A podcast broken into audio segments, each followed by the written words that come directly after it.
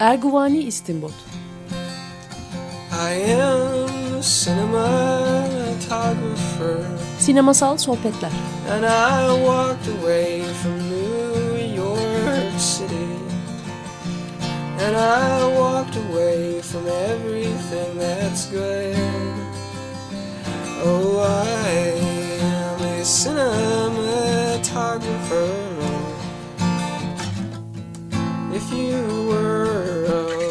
Hazırlayan ve sunan Cüneyt Cebenayak.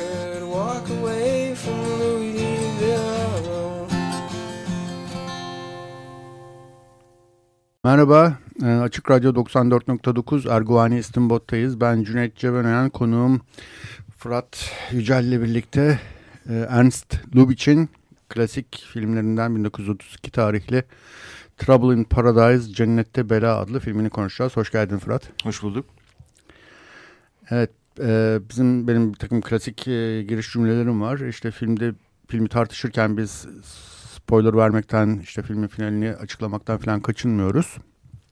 E, izleyicilerin filmi bildiklerini, seyretmiş olduklarını varsayıyoruz.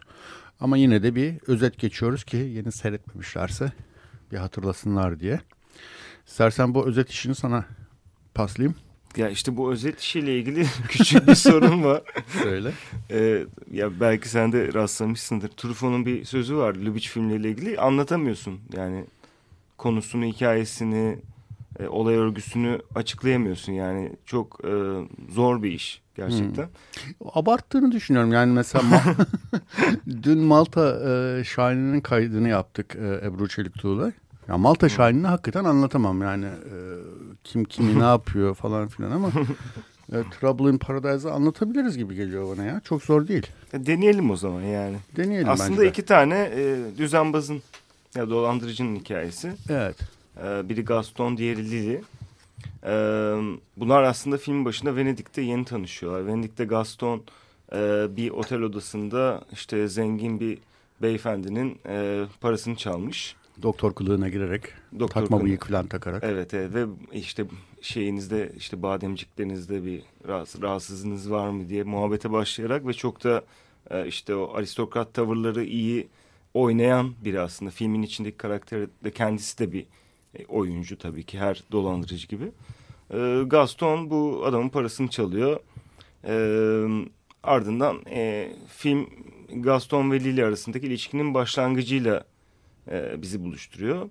Orada da çok böyle hani e, ön sevişmeyi hatırlatan bir e, karşı iki dolandırıcının işte Linil'in ki Lili'nin e, sınıfsal e, aidiyeti ile ilgili bilgi sahibi oluyoruz. O da işte e, alt sınıftan gelen e, bir kadın.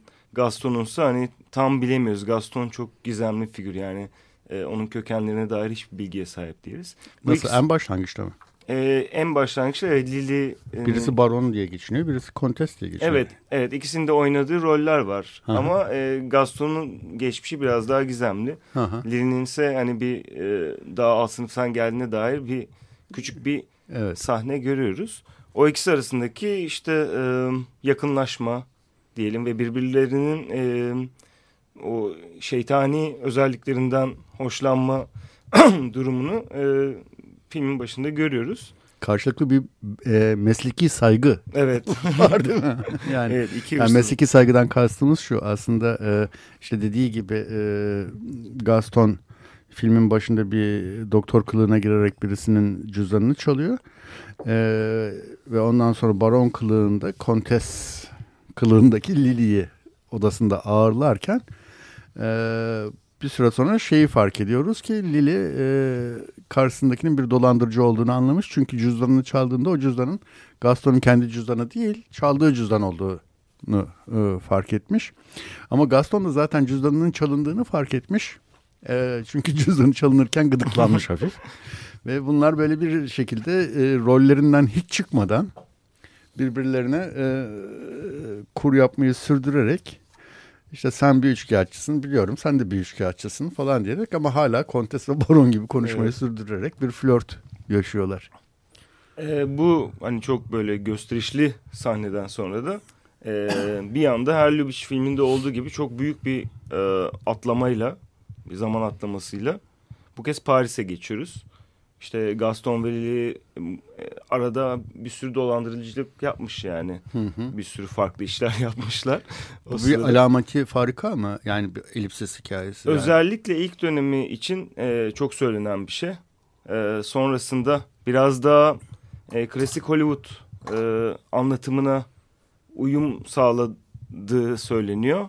E, özellikle son filmlerinde işte hmm. Shop Around the Corner gibi daha böyle klasikleşmiş hı Ninochka gibi filmlerinde bu kadar öne çıkan bir özellik değil. Fakat bu ilk e, sessiz e, döneminden sonra sessiz sinemadan aslında çok şey taşıyor. Hı hı. O sessiz sinemada da bu, bu tür geçişler, ani geçişler, zaman atlamaları e, çok ön plana çıkar. Hı. Bu ara döneminde bir film olduğu için Travel Paradise zaten tam böyle e, ilk dönemiyle ikinci dönemi arasında tam ortada yer alan ve bu yüzden de belki başyapıtı olarak hı hı. anılan. Çünkü her iki taraftan da özellikler taşıyor. Hı hı. E, bir film olduğu için e, biraz daha bu hani ani geçişler daha fazla bu filmde. Hı hı. E, Paris'e geçiyoruz bir anda. Hı hı. E, ve aradan yıllar geçmiş. İşte Gaston ve Lily arasındaki ilişkinin e, ana hatları oluşmuş. Aralarındaki işte flörtün e, devamını ve o ilişkiyi sürdürdüklerini e, görüyoruz.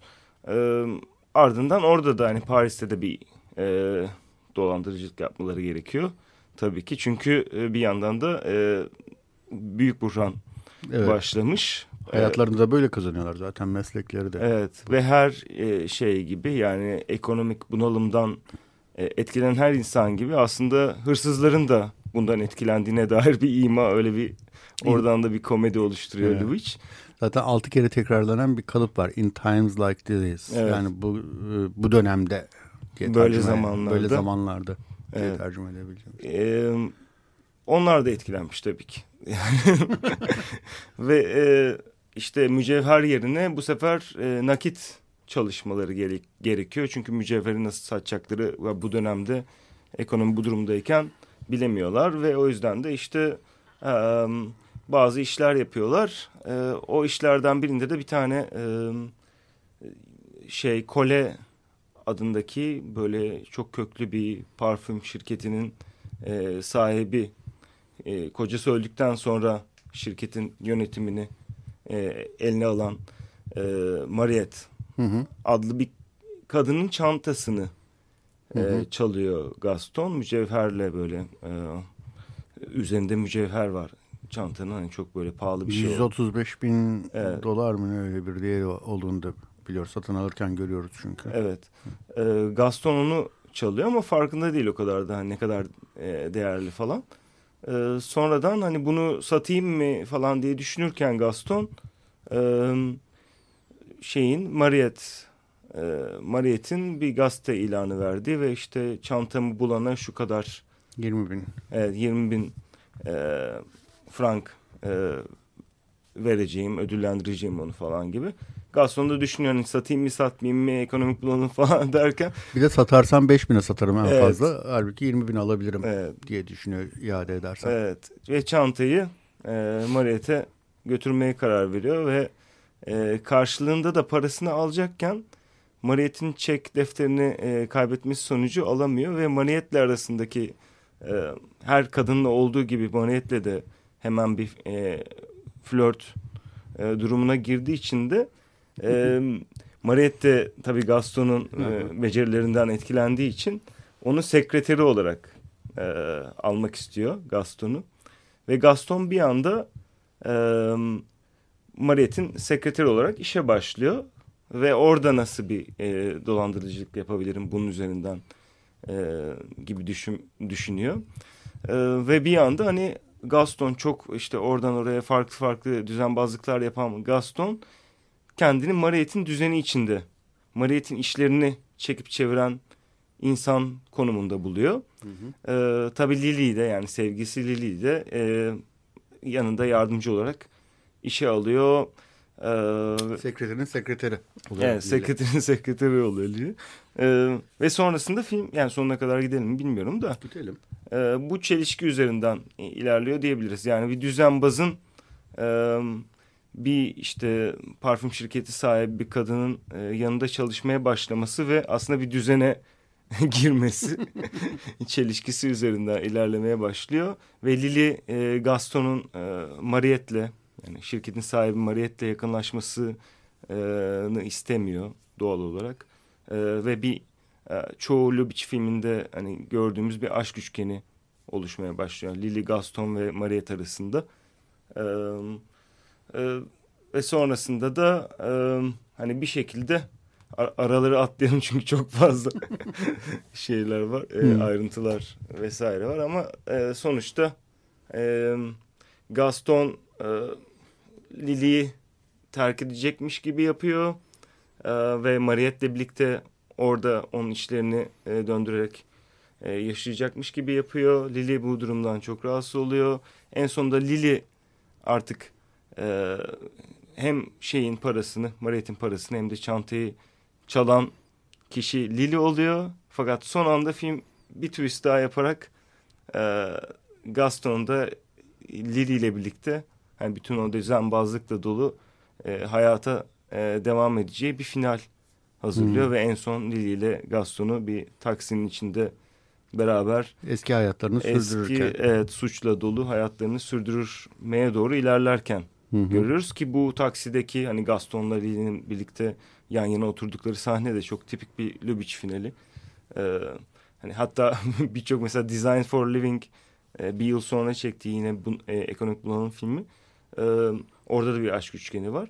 E, mesela onun sonunda da e, üç kişi bir kadın iki erkek e, yine bir taksinin içinde ilerliyorlar ve yine belirsiz bir geleceğe doğru ve tabii ahlaki olarak e, kendi konumları yani üçlü ilişki zaten doğru bulunmadığı için bir tür hani ne yapacağız biz bu toplumda gibi bir belirsizlik içinde. Bir tür evet. rejim durumları ya da bizim büyük çaresizliğimiz durumları var yani. Evet evet tabii ki. Hı. Yani çoğu filminde var zaten ama bu Hı -hı. iki film yani Trouble in Paradise ve Design for Living'de hani ahlaki normları bayağı e, hiçe, Edi, hiçe sayan. A Design for Life acaba Manic Street Preachers'ın şarkısı mı? Design for olabilir mi? e, zannetmiyorum ama evet. e, o, bu benzerlik benim de hoşuma gidiyor açıkçası. bu arada ahlaki e, tutumlardan söz ettik. Şimdi 1932'de çekilmiş film. E, 1934'ten itibaren Hays Code denilen e, bir tür sansür yasası aslında daha önce yürürlüğe konuluyor ama işletilmiyor. E, 34'ten itibaren işlemeye başlıyor tam anlamıyla. Evet. 32 1932 henüz Hays Code'un e, çok e, işlevsel olmadığı, e, hayata geçirilmediği, dolayısıyla görece daha özgür e, filmlerin, daha ahlaksız filmlerin yapılabildiği evet. bir dönem. E, Trouble in Paradise'da bu e, dönemin filmlerinden birisi. Yani çünkü filmin sonunda iki tane üçkağıtçıyı Mutlu Mesut e, giderken görüyoruz. Evet. E, hiç kimse cezalandırılmıyor. Aslında herkes hırsız filmde neredeyse. E, biliyoruz ki işte Jiro muydu adı? E, Jiro. E, zengin kadınımız Kole, e, Mariette Kole'nin e, işlerini çekip çeviren baş yardımcısı, sekreter değil ama şirketin yöneticisi, CEO'su o dönemin. Onun büyük üç kağıtlar yaptığını ve milyonlarca dolarını yürüttüğünü biliyoruz Giro'nun ama Giro'nun sınıfsal e, konumu itibariyle ceza da almayacağını biliyoruz. Çünkü o saflarda bir gedik açılma açılmaması gerekiyor. E, filmin böyle sınıfsal şeyleri çok hoş hakikaten. Yani bir e, Mariette'le neydi adamın adı? Herbert evet. Marshall'ın filmdeki adı. E, Gaston. Gaston. Ha. Mariette ile Gaston'un tartışmaları var. Mariette Gaston'un hırsız olduğunu fark ettiği anda işte ya da bir hırsızlık durumunda ne yapacağını soruyor Gaston. Polis çağırırım diyor. Ama diyor işte baş yardımcının Ciro yıllardan beri seni e, dolandırıyor hem de öyle 10 bin, 20 bin, 100 bin falan değil milyonlarca lira dolandırıyor. Polisi çağıracak mısın diyor. Hayır diyor çünkü çünkü orada bir sınıfsal koruma var. Kendi sınıfından olan bir insana aslında tam belki kendi sınıfından da değil ama yani yine de kendi sınıfını temsil eden. Aileye yıllardır hizmet eden bir... Aha, aha. Yani Burjuvazi'nin artık hizmetkarlarından birisi olan Jiro'yu koruyacağını ama işte Jiro gibi olmayan daha e, kökü belirsiz bir adamı hapse göndereceğini söylüyor Mariette. Ben bunları niye anlattım şimdi? Ee, yani tabii sınıfsal Hı-hı. tarafının güçlü olduğundan bahsediyorsun filmin. Yani. Eyvallah. Ha şey, e, Jiro'nun da ceza almayacağını, daha doğrusu bütün dolandırıcıların filmde cezasız kalacağını, yani bunun bir ahlaki bir mesaj olarak gayet kabul edilemeyecek bir mesaj olduğunu, Hays Code denilen çerçeve içinde. Evet. Yani onun öncesinde ancak yapılabilecek bir film bu. Kesinlikle yani Hays Code zaten hani 30'da çıkıyor, e, getiriliyor ve e, şeyin yani stüdyolara böyle bir kodun varlığı 30'da e, hani yürürlüğe giriyor. Fakat 34'te dediğin gibi yaptırımları başlıyor. Hı hı. E, şimdi bu yaptırımlar başladıktan sonra aslında bu tür konularda film çekmek çok daha zor. E, ama Lubitsch e, Çin hani yöntemleri de var yani ben mesela filmlerini ben de bu Design for Living ve Trouble in Paradise hani e, pre-code yani koddan önce e, filmler ve daha açık görüşlü olabilir belli e, konular. Hem cinsellik konusunda hem de dediğin gibi e, suçun cezalandırılıp cezalandırılmayacağını e, belirleyen hikayeleri açısından e, daha açık olabileceği filmler. Ama bir yandan da sonraki filmlerine baktığında da hani mesela That Uncertain Feeling e, şu an tarihini hatırlamıyorum tam olarak ama hani o filmde de bir zina var ve hani e, o, bu Lubitsch taş dediğimiz şey biraz onu e, alt eden bir şey olarak da görülüyor. Yani onun üstünden gelen. Evet. Şey. Yani Lubitsch dokunuşu hani onun zekasını, hınzırlığını falan ifade eden bir terim Hı. ama bir yandan da kodu yani bu ahlaki kodu e, filmler üzerine e, dayatılan, yönetmen üzerine dayatılan e, kodu bir şekilde alt etme zekasını da e, ortaya koyan bir şey bu. Yani Lubitsch Taş, Hes kod bana komaz. Evet yani e, bayağı zinadan bahsediyor filmde ve bunu çok kötü cezalandırılacak bir şey olarak göstermiyor. İşte That Uncertain Feeling'de bir tane işte e, piyanist var. Çok son derece bohem yaşayan işte şey, bir tane sevgisi var sürrealist. Onun resmini yapmış, portresini yapmış böyle sürrealist bir portre. Ee, ve işte bu adamla bu adamla işte daha burjuva bir kadın e, hani geleneksel burjuva bir kadın arasında bir ilişki başlıyor. Ve tabii hani bu bohem e, adamla kadın arasındaki ilişkinin hani tuhaflıkları, bu kadın nasıl böyle yani kendi işte şey e, eşiyle birlikte son derece e, sıradan e, ölçülerde sıradan bir zengin hayatı e, yaşayan bir kadın bir bohem piyanistle birlikte olmasının tuhaflıkları falan vesaire bunlar üzerinde ilerleyen e, bir şey var ama boşanamıyorlar. Yani boşanmaları için işte Philadelphia'ya gitmeleri falan gerekiyor. E, şimdi o boşanma sürecinde aslında kadın evli e, ve hani bir böyle bir piyanistle birlikte orada şöyle bir şey yapmış Lubitsch. Belki yani Lubitsch dokunuşu tam olarak bunlar. Adam işte e, evde piyano çalıyor. Böyle çok e, şey coşkulu e, bir şekilde. E, kadını öpmek istiyor. Kadın ona yüz vermiyor.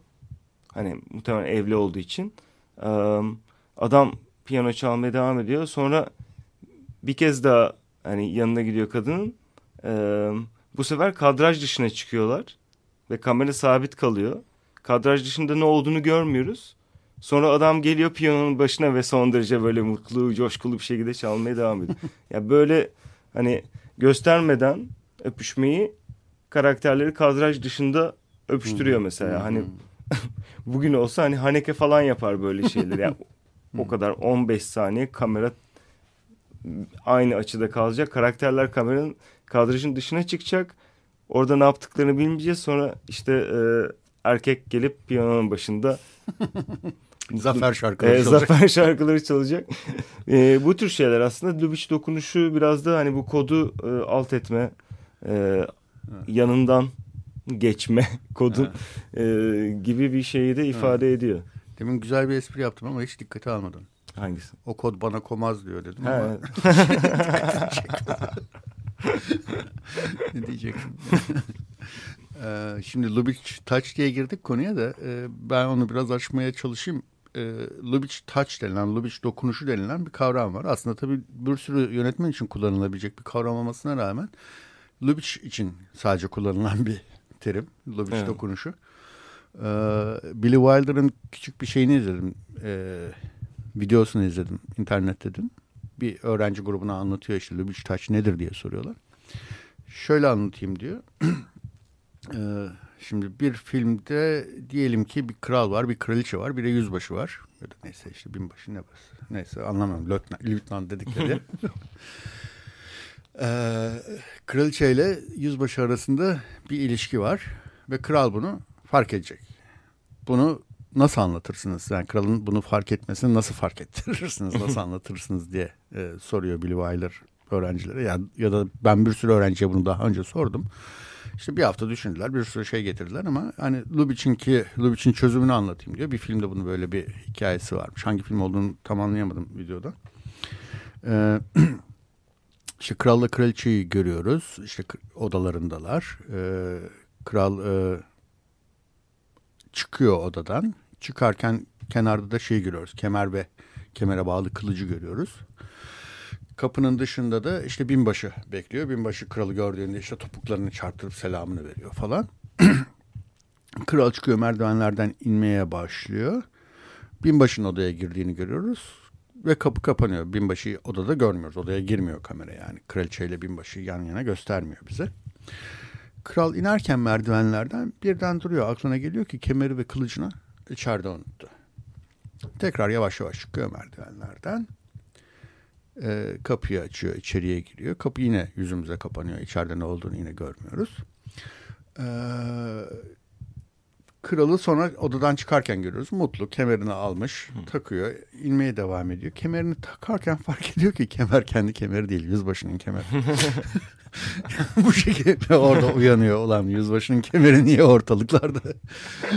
Ve karısının kendisini aldattığını, kraliçenin kendisini aldattığını böyle fark ediyor. İşte bu diyor Lubitsch Touch dediğimiz evet. bu anlatım buna Lubitsch Touch diyebiliriz diyor Billy Wilder. Bu örnek tam olarak hani iyi çok iyi anlatıyor. Çünkü yani Lubitsch'in hani filmlerinde bütün o kemerler, çantalar, elden ele e, dolaşıyor ayakkabılar vesaire hı hı. ve hani hepsi e, bütün bunlar aslında kimin kimle beraber olduğunu belirten araçlara evet. dönüşüyor. Yani bu şey işte McGuffin'le mesela bir evet. e, paralellik kuranlar var. Aha. Hani Hitchcock'un McGuffin'i e, bir şeydir, bir boş objedir aslında. Hani bir Aha. onu takip edersin film boyunca işte o vazoyu. Boş gösteren mi derler? E, boş gösteren.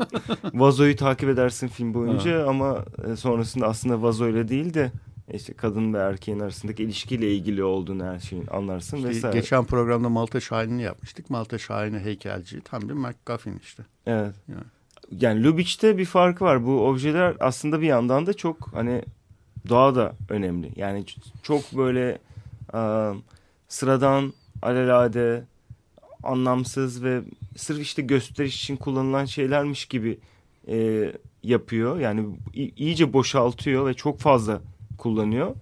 Ama o çok fazla kullanırken bir yandan hani hikaye bittiğinde anlıyorsun ki aslında o çanta bayağı bu insanların hayatında ki bu filmde Trouble in Paradise'da da hani çanta e, bayağı ön plana geçiyor.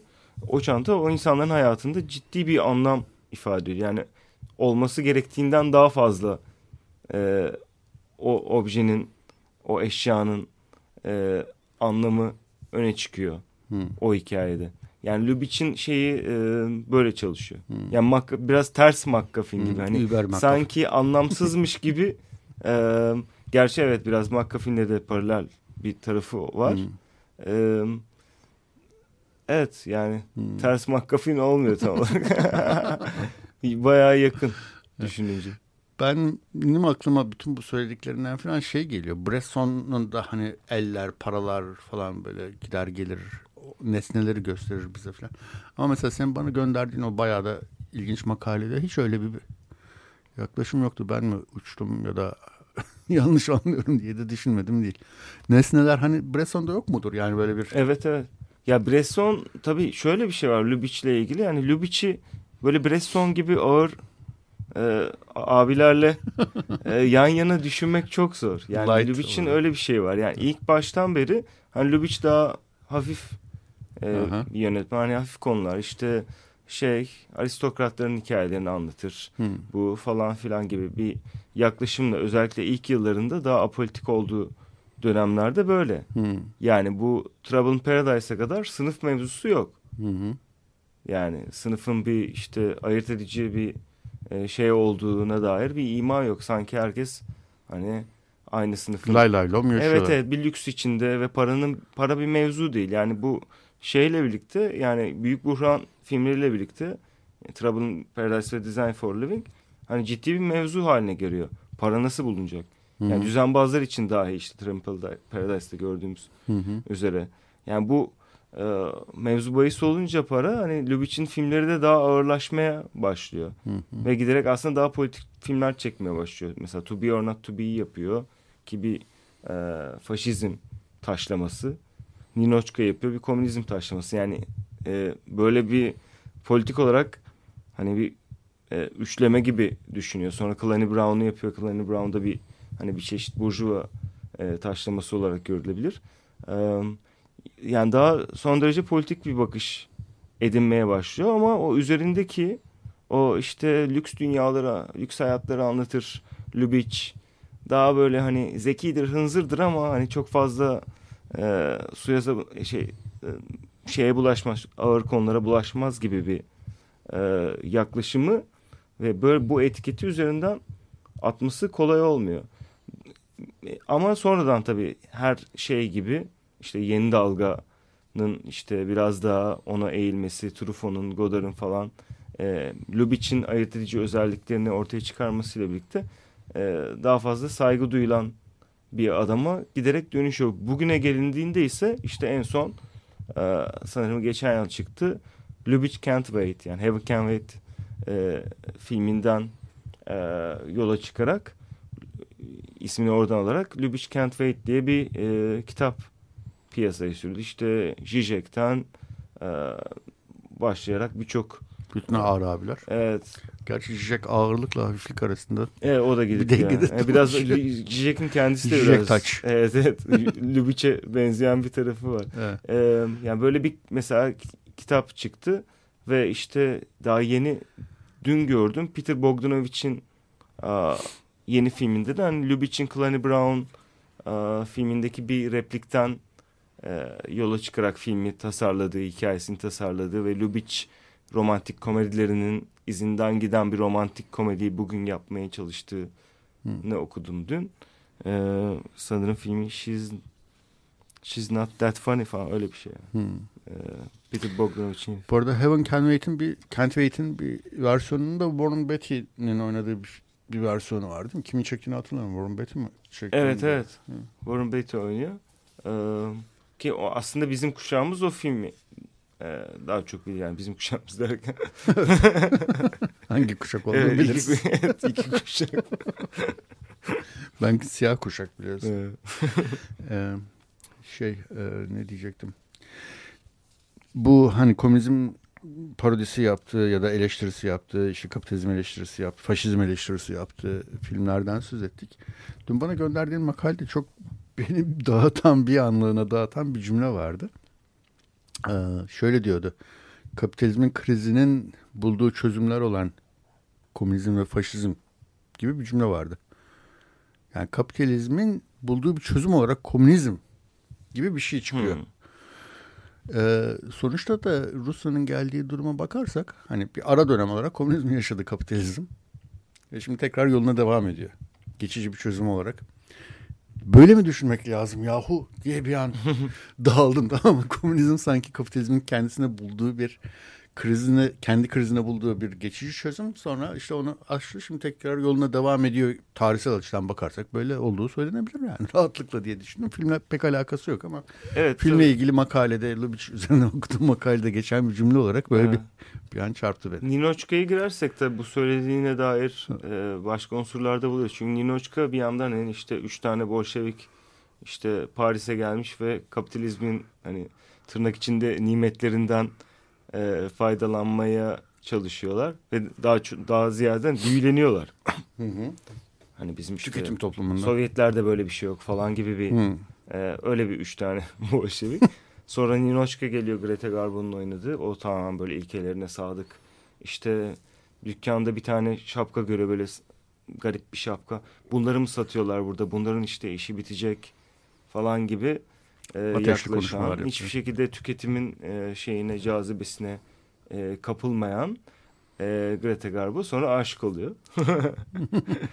aşık olduktan sonra da işte e, kadınlığını o, fark ediyor öyle mi? E, o da işte mücevherlerden bilmem nelerden etkilenmeye başlıyor. Ama filmde öyle bir şey var ki yani e, Lubitsch'te arzu nesneleri ve aşk çok uçucu Aha. olduğu her an yitirilebilir şeyler olduğu için de e, hani kapitalizmin kendisinin de hani böyle çok belirsiz tedirgin edici bir hal aldığı bir yere doğru ilerliyor film.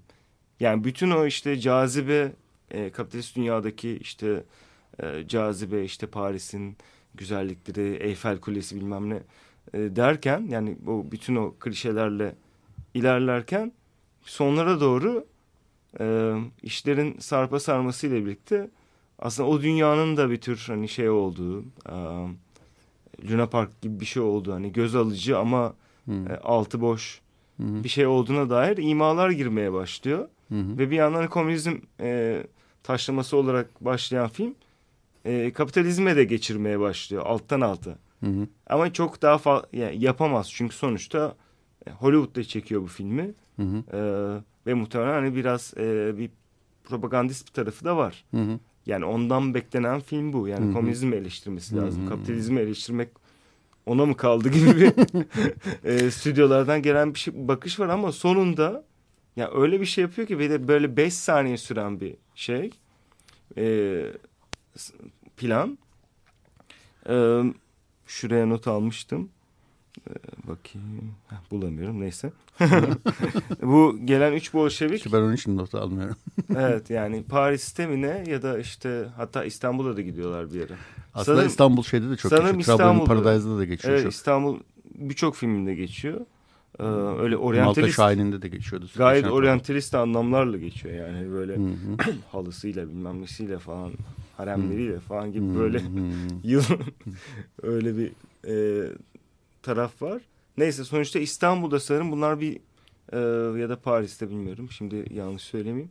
Bir dükkan açıyorlar üçü e, ve artık hani şeyden Sovyetlerle bağlarını koparmışlar falan filan. E, tamamen kapitalist olmuşlar. E, şu, girişkenler falan filan. İşte bir dükkan açıyorlar ve çok mutlular falan derken üç tane arkadaştan e, biri diğer ikisi tarafından satılmış ve sokakta tek başına eylem yapıyor. İşte diğer iki arkadaş beni işte sattı. E, işte hak, haksızlık yapıldı bana hakkımı arıyorum dedi. Tek başına sokakta elinde pankartla yürürken bir plan giriyor ve film öyle bitiyor. ve o, o kadar tuhaf ki çünkü hani bir aşk yani romantik komedi yani. Evet. Bir anda böyle bir final var yani. İhanete uğramış devrimci. Evet ihanete uğramış hani kapitalizm dedik hani çok güzel yeni dünya bilmem ne falan derken bir anda böyle bir e, son derece e, müzik de orada kasvetli bir hal alıyor. Böyle finalle noktalanıyor film. Yani e, Lubitsch Touch biraz da bunlar. Evet, hani komünizm eleştirisi yani. yaparken bir anda kapitalizm eleştirisine doğru en azından bir ima olarak kendi şeyinde evet. e, yani kendi hani baskı etrafındaki siyasi baskılar içinde son beş senelik bir böyle plan konu koyayım oraya. Hı hı. Hani kandırayım bir yandan da anlam anlam muhtemelen anlamamışlardır bu kadar. Hollywood'un evet, kağıdı evet. patronları evet, diyorsun. muhtemelen anlamamışlardır. Yani o plan orada, orada bir şekilde kalmış. Yani şeyde Trouble in Paradise'da da bir tane Troçkist karakter vardı ya ya da Bolşevik miydi tam bilemiyorum. Troçkist. Troçkist'ti. Evet. O Troçkist karakterle de kimi eleştirdiği tam belli değil. Yani Troçkist karakter giriyor ve şimdi hikayede şöyle işte kadın bizim patron Mariette Colette çantasını çaldırıyor ve gazeteye ilan veriyor. Bulana 20 bin bilmem ne vereceğim diye. Herkes yani 20 bin kişi de evine dolaşıyor. Buldum buldum ben diye. İşte abuk sabuk çantalar bilmem neler getirenler var. Bir tane de Troçkist genç delikanlı böyle hani tipik Rus devrimcisi Mayakovski'nin fotoğraflarına falan benzeyen bir hatta Stalin'in gençlik fotoğrafı da öyledir. Evet. Ondan sonra öyle bir tip geliyor. Sen bu zamanda Rusça falan bir şeyler de söylüyor. Evet. Bir de şey diyor yani bu zamanda 120 bin doları sen nasıl bir çantaya harcarsın deyip fui fui fui diye evet. e, fui de işte yazıklar olsun ya falan öyle bir evet. anlama geliyormuş. Ve bir şeyler söylüyor fakat ona bir şey çekiyor bir fırça çekiyor şey Gaston. Yine anlamadığımız Rusça. Ve evet. o bir tür kafasını eğip gidiyor. Yani ne olduğunu çok da anlamıyoruz. Yani onunla da dalga geçiyor. E, Troçkis'le de dalga geçiyor ama Troçkis'in dediğine bir anda da katılıyoruz. Ulan millet sürünürken sen 120 bin dolarlık alt tarafı çanta alıyorsun. Yani bu nasıl bir ahlaksızlıktır? Millet sürünürken bir çantaya bu kadar parayı nasıl verirsin? Evet. Sonra Tam aynı olarak... kadının işte 50 50 dolarlık bir maaş arttırımını büyük bir e, kıyakmış gibi Lili'nin maaşına 50 dolar arttırarak evinden uzaklaştırmaya çalışıyor ya. Evet. Gaston'a el koymak için. Yani böyle garip şeyler şeyler var. İki tarafı birden kesen bir bıçağı var sanki öyle. Evet kesinlikle yani iki taraf değil bütün bütün tarafları kesen. Ee, hani biraz sinik olarak nitelendirilmesinin nedeni de bu. Hani her tarafa herkesi e, iğneleyen e, bir tarafı var. Yani o sahnede tam olarak işte Troçkin dediği gibi bir çanta için servet harcayan her kadın bir domuzdan daha aşağıdır diyormuş. Hmm. E, karakter. Rusçasında mı? Evet Rusçasında. Eyvallah. E, o şekilde e, çevriliyor. E, yani oradaki karakterin e, e, betimlenme biçimi aslında son derece işte klişe, stereotipik e, bir hani devrimci hı hı. E, karakter e, ve geliyor kadının e, kadına böyle bir şey söz söylüyor. Ya yani Gaston'un şimdi şöyle bir şey. Gaston aslında tamam oraya gelen işte ve işte çanta konusunda e, kadını aşlayan bu adama davranışını biraz e, tasvip etmiyoruz ama Gaston tamamen ahlak dışı bir figür ol, olarak görülebilir. Yani e, sonuçta bir düzenbaz. Hı hı. E, ve hani hiçbir şekilde düzen e, sisteme bağlı biri değil. Tamamen işte e, çalma üzerine kurulu bir hayat ama hani filmin imalarından biri hani daha önceden de e, konuştuğumuz gibi hani Gaston'un hırsızlıkları ne bu şirketin hırsızlıkları ne yani? Hmm. Aslında düzenbaz kelimesi garip bir kelime değil mi? Düzenbaz deyince düzene uyan gibi bir şey çıkmıyor mu? Oyunbaz oyuncu, düzenbaz düzenci falan gibi bir şey. Düzencilik de aslında şey değil mi? Hırsızlık yapmak yani. Düzenin özünde hırsızlık evet. var zaten. Mülkiyet hırsızlıktır diye evet, düşünürsek. Ben, ben de tam onu düşünüyordum da yani düzenbaz kelimesi üzerine. ee, evet yani tam olarak düzenbaz. Tam olarak düzenbaz. ya düzenin içinde e, hareket eden, evet. e, düzenin içinde virtüöz gibi davranan e, ve onun e, şeylerinden işte albenlerini kullanan, onun e, cazibelerine kapılan ama bir yandan da sürekli işte büyük zenginleri işte şirket sahiplerini falan kandırdığı için de um, düzen adamı da diyemeyeceğimiz bir figür aslında Gaston. Um, ki bu figürlerin çok şey bir tarafı var aslında hani um, metaforik bir tarafı var. Yani Hollywood sinemasının çok uh, sevdiği figürler bunlar. Hı hı. Çünkü bir yandan hani şey hani çok zeki, hı hı. hınzır tipler. Um, düzenin içinde davranıyorlar. Orada hareket alanları o yani dışına çıkmıyorlar. Politik bir tehdit aslında taşımıyorlar. Evet. Asiler ama devrimci evet, değiller. Asiler ama devrimci değiller. Rock'n'roll şeyleri gibi. evet. Ve sonunda genelde bu yani bütün bu işte Büyük Burhan'da zaten anlatılan gangster hikayeleri de e, hmm. E, bir şekilde o gangsterler aslında e, simgeledikleri şey e, girişimci yani kapitalist girişimci. Tabii tabii. Zaten evet. tarihsel olarak da ona dönüşüyorlar. Hani bir zamanlar Amerika'da Sergio Leone'nin filminde anlattığı evet, evet. hikaye tam da budur yani. Evet, giderek e, yani bu gangster figürü zaten bugünün Hollywood'una kadar geldiğimizde işte bu e, son dönemde e, çekilen neydi o şey neyse şimdi aklıma gelmedi. e, Oscar'ları falan da aday oldu ya bütün bu e, Ha şey. Düzenbazların. Anladım anladım. 70'lerde geçen film. Hmm. Hmm. Şimdi adı gelmiyor. Ama yani e, şey Wolf of Wall Street'e kadar yani. hani düzenbazlık denen şeyin ne kadar evet. çekici olduğu Hollywood sineması Tabii canım. için çok açık. Ama o ilk yani... Ama sadece Hollywood sineması için de değildir. Yani mesela korsan hikayeleri, korsanlar da bir cazibe merkezi evet. değildir. Hırsızdırlar aslında ama kapı keserler bilmem ne Evet. Neyse. Ama yan yollardan ilerleyerek yani e, şey e, bir tür aslında itiraf ya bu kapitalist sistem için. Çünkü hmm. bireyciliği hmm. E, sürekli empoze eden hmm.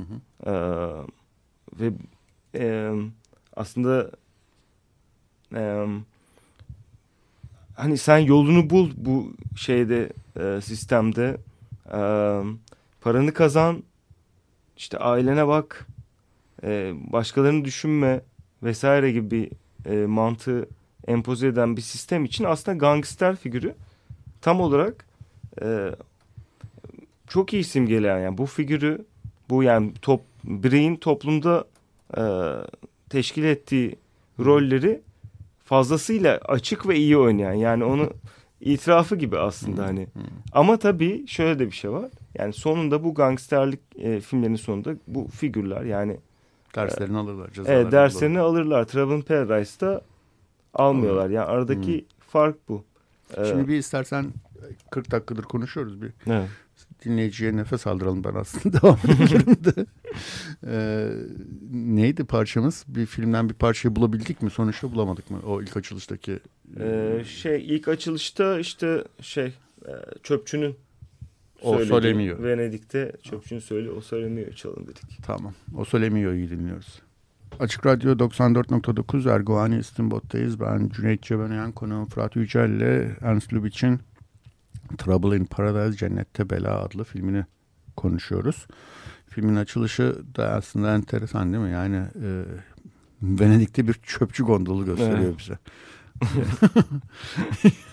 yani Son Venedik ve çöp, Venedik evet. ve çöpçü gondolu. Hani romantizmle çöp arasında hiç böyle bir bağ kurulmamıştı bugüne kadar. Evet yani bir turistik Venedik hmm. imajı kesinlikle yok. Yeah.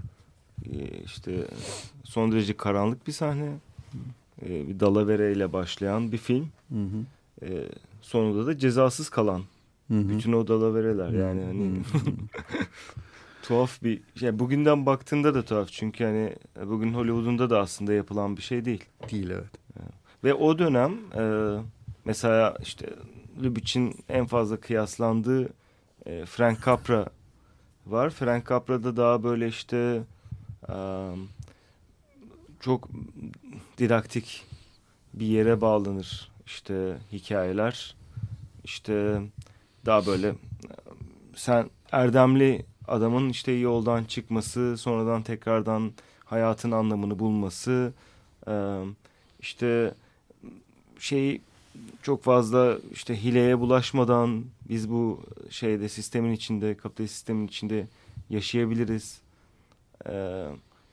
gibi bir mesaja bağlanan filmler işte en klasik örneği ise Wonderful Life. Yani o hı hı. topluluk hayatının bir şekilde o topluluk hissinin hı hı cemaatin bir şekilde kendi yolunu bulacağı, birbirine yardım ederek, hı hı. E, tasarruf ederek, e, hani düzlüğe çıkacağımızı söyleyen, işte Büyük Burhan'da da bu tip filmler yapan Frank Capra'nın yanında Lubitsch böyle daha anarşist bir e, figür olarak e, görülebilir. Yani politik bir bağlılığı yok. Hı hı. Hani kapitalizmi de eleştiriyor, komünizmi de eleştiriyor. Hı hı. E, tam böyle e, bir hani bağlantısız bir anarşist gibi bugünden baktığında görebilirsin. Filmlerin işte Trouble in Paradise'ın da hani biraz başyapıt olarak görülmesinin ardına bütün bu ahlaki kodları hani e, bireye hani çalışmalısın, didinmelisin, kazanacaksın falan diyen Frank Capra'nın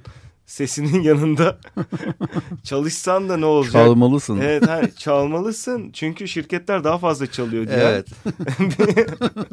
bir, bir mantığı hani o gün e, görmek enteresan. Şimdi evet. 32'ye gidip de bu filmi izlemek gerçekten ilham veriyor aslında. Bugünün evet. politikası açısından Allah bugün için de verir yani. E, bugün için de veriyor ve zaten o yüzden Lubitsch'e daha fazla geri dönülmeye başlandı evet. şimdi.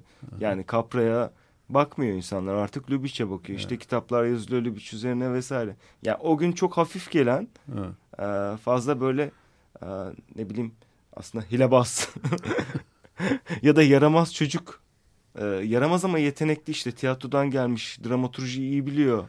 Ama sonuçta yaramaz işte bu Aha. falan denilen Lubitsch e, bugün son derece politik bir figüre e, dönüştü.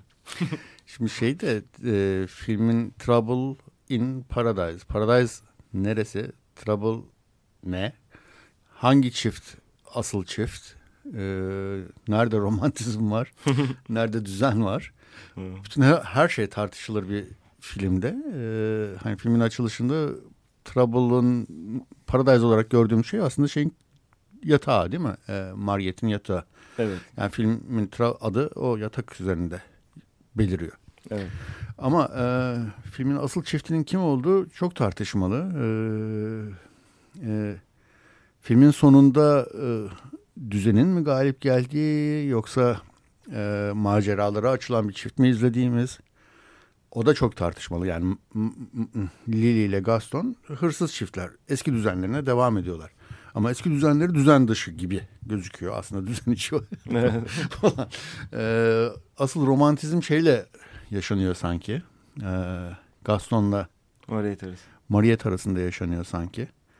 Ama o da gerçekleşemiyor falan. Böyle bu arada ben Kay'e çok hayran oldum. Kay neydi adı? Kay Francis. Kay Francis çok güzel buldum kendisini ve filmin iki başrol oyuncusunun da bir takım sorunları olduğunu okuduğumda çok şaşırdım. Kay R'leri söyleyemiyor. Onun için ona Kay Francis diye dalga geçerlermiş. Ee, şeyin de bir bacağı yokmuş Herbert Marshall'ın. Yani Gaston oynayan oyuncunun ee, protez bacak bacağı varmış. Ee, Birinci Dünya Savaşı'nda yaralanmış ve ampute edilmiş bacağı. Film boyunca bunu hiç ben fark etmedim. Halbuki hafif aksak bir adammış dolayısıyla. İngiliz kökenli. Ee, İyi böyle gizlemiş. enteresan şeyler var yani. Evet. Yani ben de hiç fark etmedim. Senden e, öğreniyorum yani. Ben de okuyunca çok şaşırdım. yani e, bacaksız bir jön. Yani bir evet. bacağı olmayan bir jön. Evet. Yalnız, evet yani şeyi e, cennet neresi? Cennet neresi? Sorusu zaten filmin herhalde sormamızı istediği evet. e, bir soru ve cennet e, teki bela ne? Bela ne? Gibi bir şey. Yani şöyle bir şey var aslında hani dediğin gibi um, normalde işte şeytani bir figür tarafından ayartılan bir çift falan görürüz ya. Hı hı, hı. Hani e, temelde bu tür anlatıların şeyi budur. Hani cennet gibi bir ortam vardır. İşte David Lynch'in çok kullandığı ve sonrasındaki bütün aslında hmm. e, bağımsız Amerikan sineması çok kullandığı. Blue Velvet. Cennet gibi işte e, bir ortam vardır. İşte e, beyaz çitler, işte kırmızı güller, işte pembe pancur falan. Böyle bütün bir çalışma anlatıyorsun. E, o El e, sallayan itfaiye. O banliye dünyası vardır. Sonra ama içinde işte bir tane kesik kulak, çimlerin içinde bir tane kesik kulak görürüz falan gibi bir e, formül vardır yani. O hmm. cennetin hmm. aslında cennet olmadığı. O dışarıdan çok güzel işte e, gözüken hayatın aslında e, sorunlarla, arızalarla dolu olduğuna dair bir formül vardır. E, burada tamamen ter, yani, yani Trouble in Paradise'da bunun tersine dönüştürülmüş hali. Hmm. Aslında suçla yaşanan bir hayat. Sürekli işte hırsızlık yaparak, birilerini kandırarak yaşayan bir çiftin e, düzen tarafından kışkırtılmaya, ayartılmaya çalışılması gibi bir şey var. ve düzen bir, daha düzenbaz, düzenbaz. Evet, evet ve biz e, bu çiftin yanındayız. Onlarla birlikteyiz. Onlara sempati duyuyoruz. Ve düzen onları ayartmaya çalışıyor. Evet. E, dolayısıyla Paradise aslında yani benim okumama göre ki bu okuma yapılıyor. E, cennet denilen şey bu filmde. Bu iki çiftin belirsizlik içinde ama yine de işte cinsel arzuyu da e, güçlü tutarak e, yani iki düzenbaz arasındaki cinsel arzunun hani filmin başındaki kadar e, güçlü olduğu bir e, şekilde yaşayan e, bir çift e, yine de arızalanıyor gibi bir şey bu. Hani arızalandıran da büyük bir kapitalist kadın. Evet. Yani büyük bir şirketin sahibi. Evet yani burada bile bu kadar hani şey belirsizlik içinde hani böyle bir a, şeyle sürekli oyunlarla yaşanan bir hayatta bile bir arıza çıkıyor. O arıza da hani düzeni temsil eden e, bir kadın dediğin gibi. Küçük burjuva hayatlarına geri dönüyor bizim çiftimiz. Evet. Büyük bir burjuva ile karşılaşıp onun lurunu diyelim nesini cazibesine bir an yörüngesine girip erkeğin özellikle e, e, er, erkeğin jigoloya dönüşme aşamasında geri dönmesi falan evet. gibi bir durum oluyor. Ya zaten tamamen bu espri üzerinden bir süre hmm. sonra ilerlemeye başlıyor film. Yani e, Lily işte Gaston'un bu kadar işte şey yaşamasını e, onun yanında bir gigolo ol, oluyorsun işte Maret'in yanında onun gigolosu oluyorsun. Sen bir dolandırıcısın. Dolandırıcılığını bil falan gibi. Dolandırıcısın lafları. dolandırıcı kal giy dedi evet, tulumları. şey diyor çal dolandır soy ama sakın şu işe yaramaz. Beş para etmez gigololardan biri olma. İşte sakın bir centilmen gibi davranma gibi bir espri üzerinden ilerliyor. Eee ve tamamen aslında o cennetle cehennem diye bildik, bildiğimiz şeylerin e, yerini değiştiriyor. Hı hı. E, yani bunun Lubitsch'in diğer filmlerinde de bu Heaven, işte Heaven Can Wait'te e, bir yine benzerini bulmak mümkün yani. Hı. Çünkü bütün hayatı boyunca her türlü suçu işlemiş. Hı. İşte karısını aldatmış. E, işte nerede bir e, şey varsa, e, hınzırlık varsa orada olmuş bir adamın e, cehennemde işte bir tane e, şeyle adam o cehennemin kapısındaki adamla artık şeytan mı ne bilmiyoruz. E, görüşmesi üzerine kurulu bir film ve cehenneme kabul edilmiyor sonunda yani. yani orada o kadar suç işlemiş adam. E, ama yine de yok sen bizden bur buraya ait değilsin deniliyor geri yollanıyor. Yani bütün o cennet cehennem suç nedir? E, neye suç demeliyiz? Bugün suç olarak adlandırılan şey 10 yıl sonra suç olarak adlandırılmıyor. Demek ki bu hani şey Görece mutlak bir şey. bir şey değil. Görece bir şey. Görece bir şey. Kültürel yani, bir şey. Kültürel dönemsel bir şey. Hmm. Ki Heaven Can't Wait'te hani bunun birebir hani replik olarak da dile getirildiğini görüyoruz. E, bu tür şeyler üzerine çok fazla hani e, bunlar üzerinde ilerleyen e, bilgi yapıyor. Diyalektikten epey bir bilgili anladığımız kadarıyla. Evet, evet. evet yani e, hani politik değil e, denen yönetmenin hani bu özellikle Hays Code'la birlikte ve onun yanından dolaşmaya onu hmm. işte e, şey bir şekilde alt etmeye çalışırken politikleşmesi e, durumunu yaşaması Eyvallah. sanırım. Ee, çok az vaktimiz kaldı. Çok çok teşekkür ediyorum Fırat. Ee, demin çaldığımız O Sole Mio'yu Dali de söylemişti bu arada. Ee, programımız e, vaktimiz kalmadı yani. Evet, bir gevezelik kalmadı. yaptık. Gevezelik. Lubitsch filmleri gibi. Evet. Evet, evet. Evet, tekrar teşekkür ederim. Ee, gelecek programda buluşmak üzere. Ben teşekkür ederim. Hoşçakalın.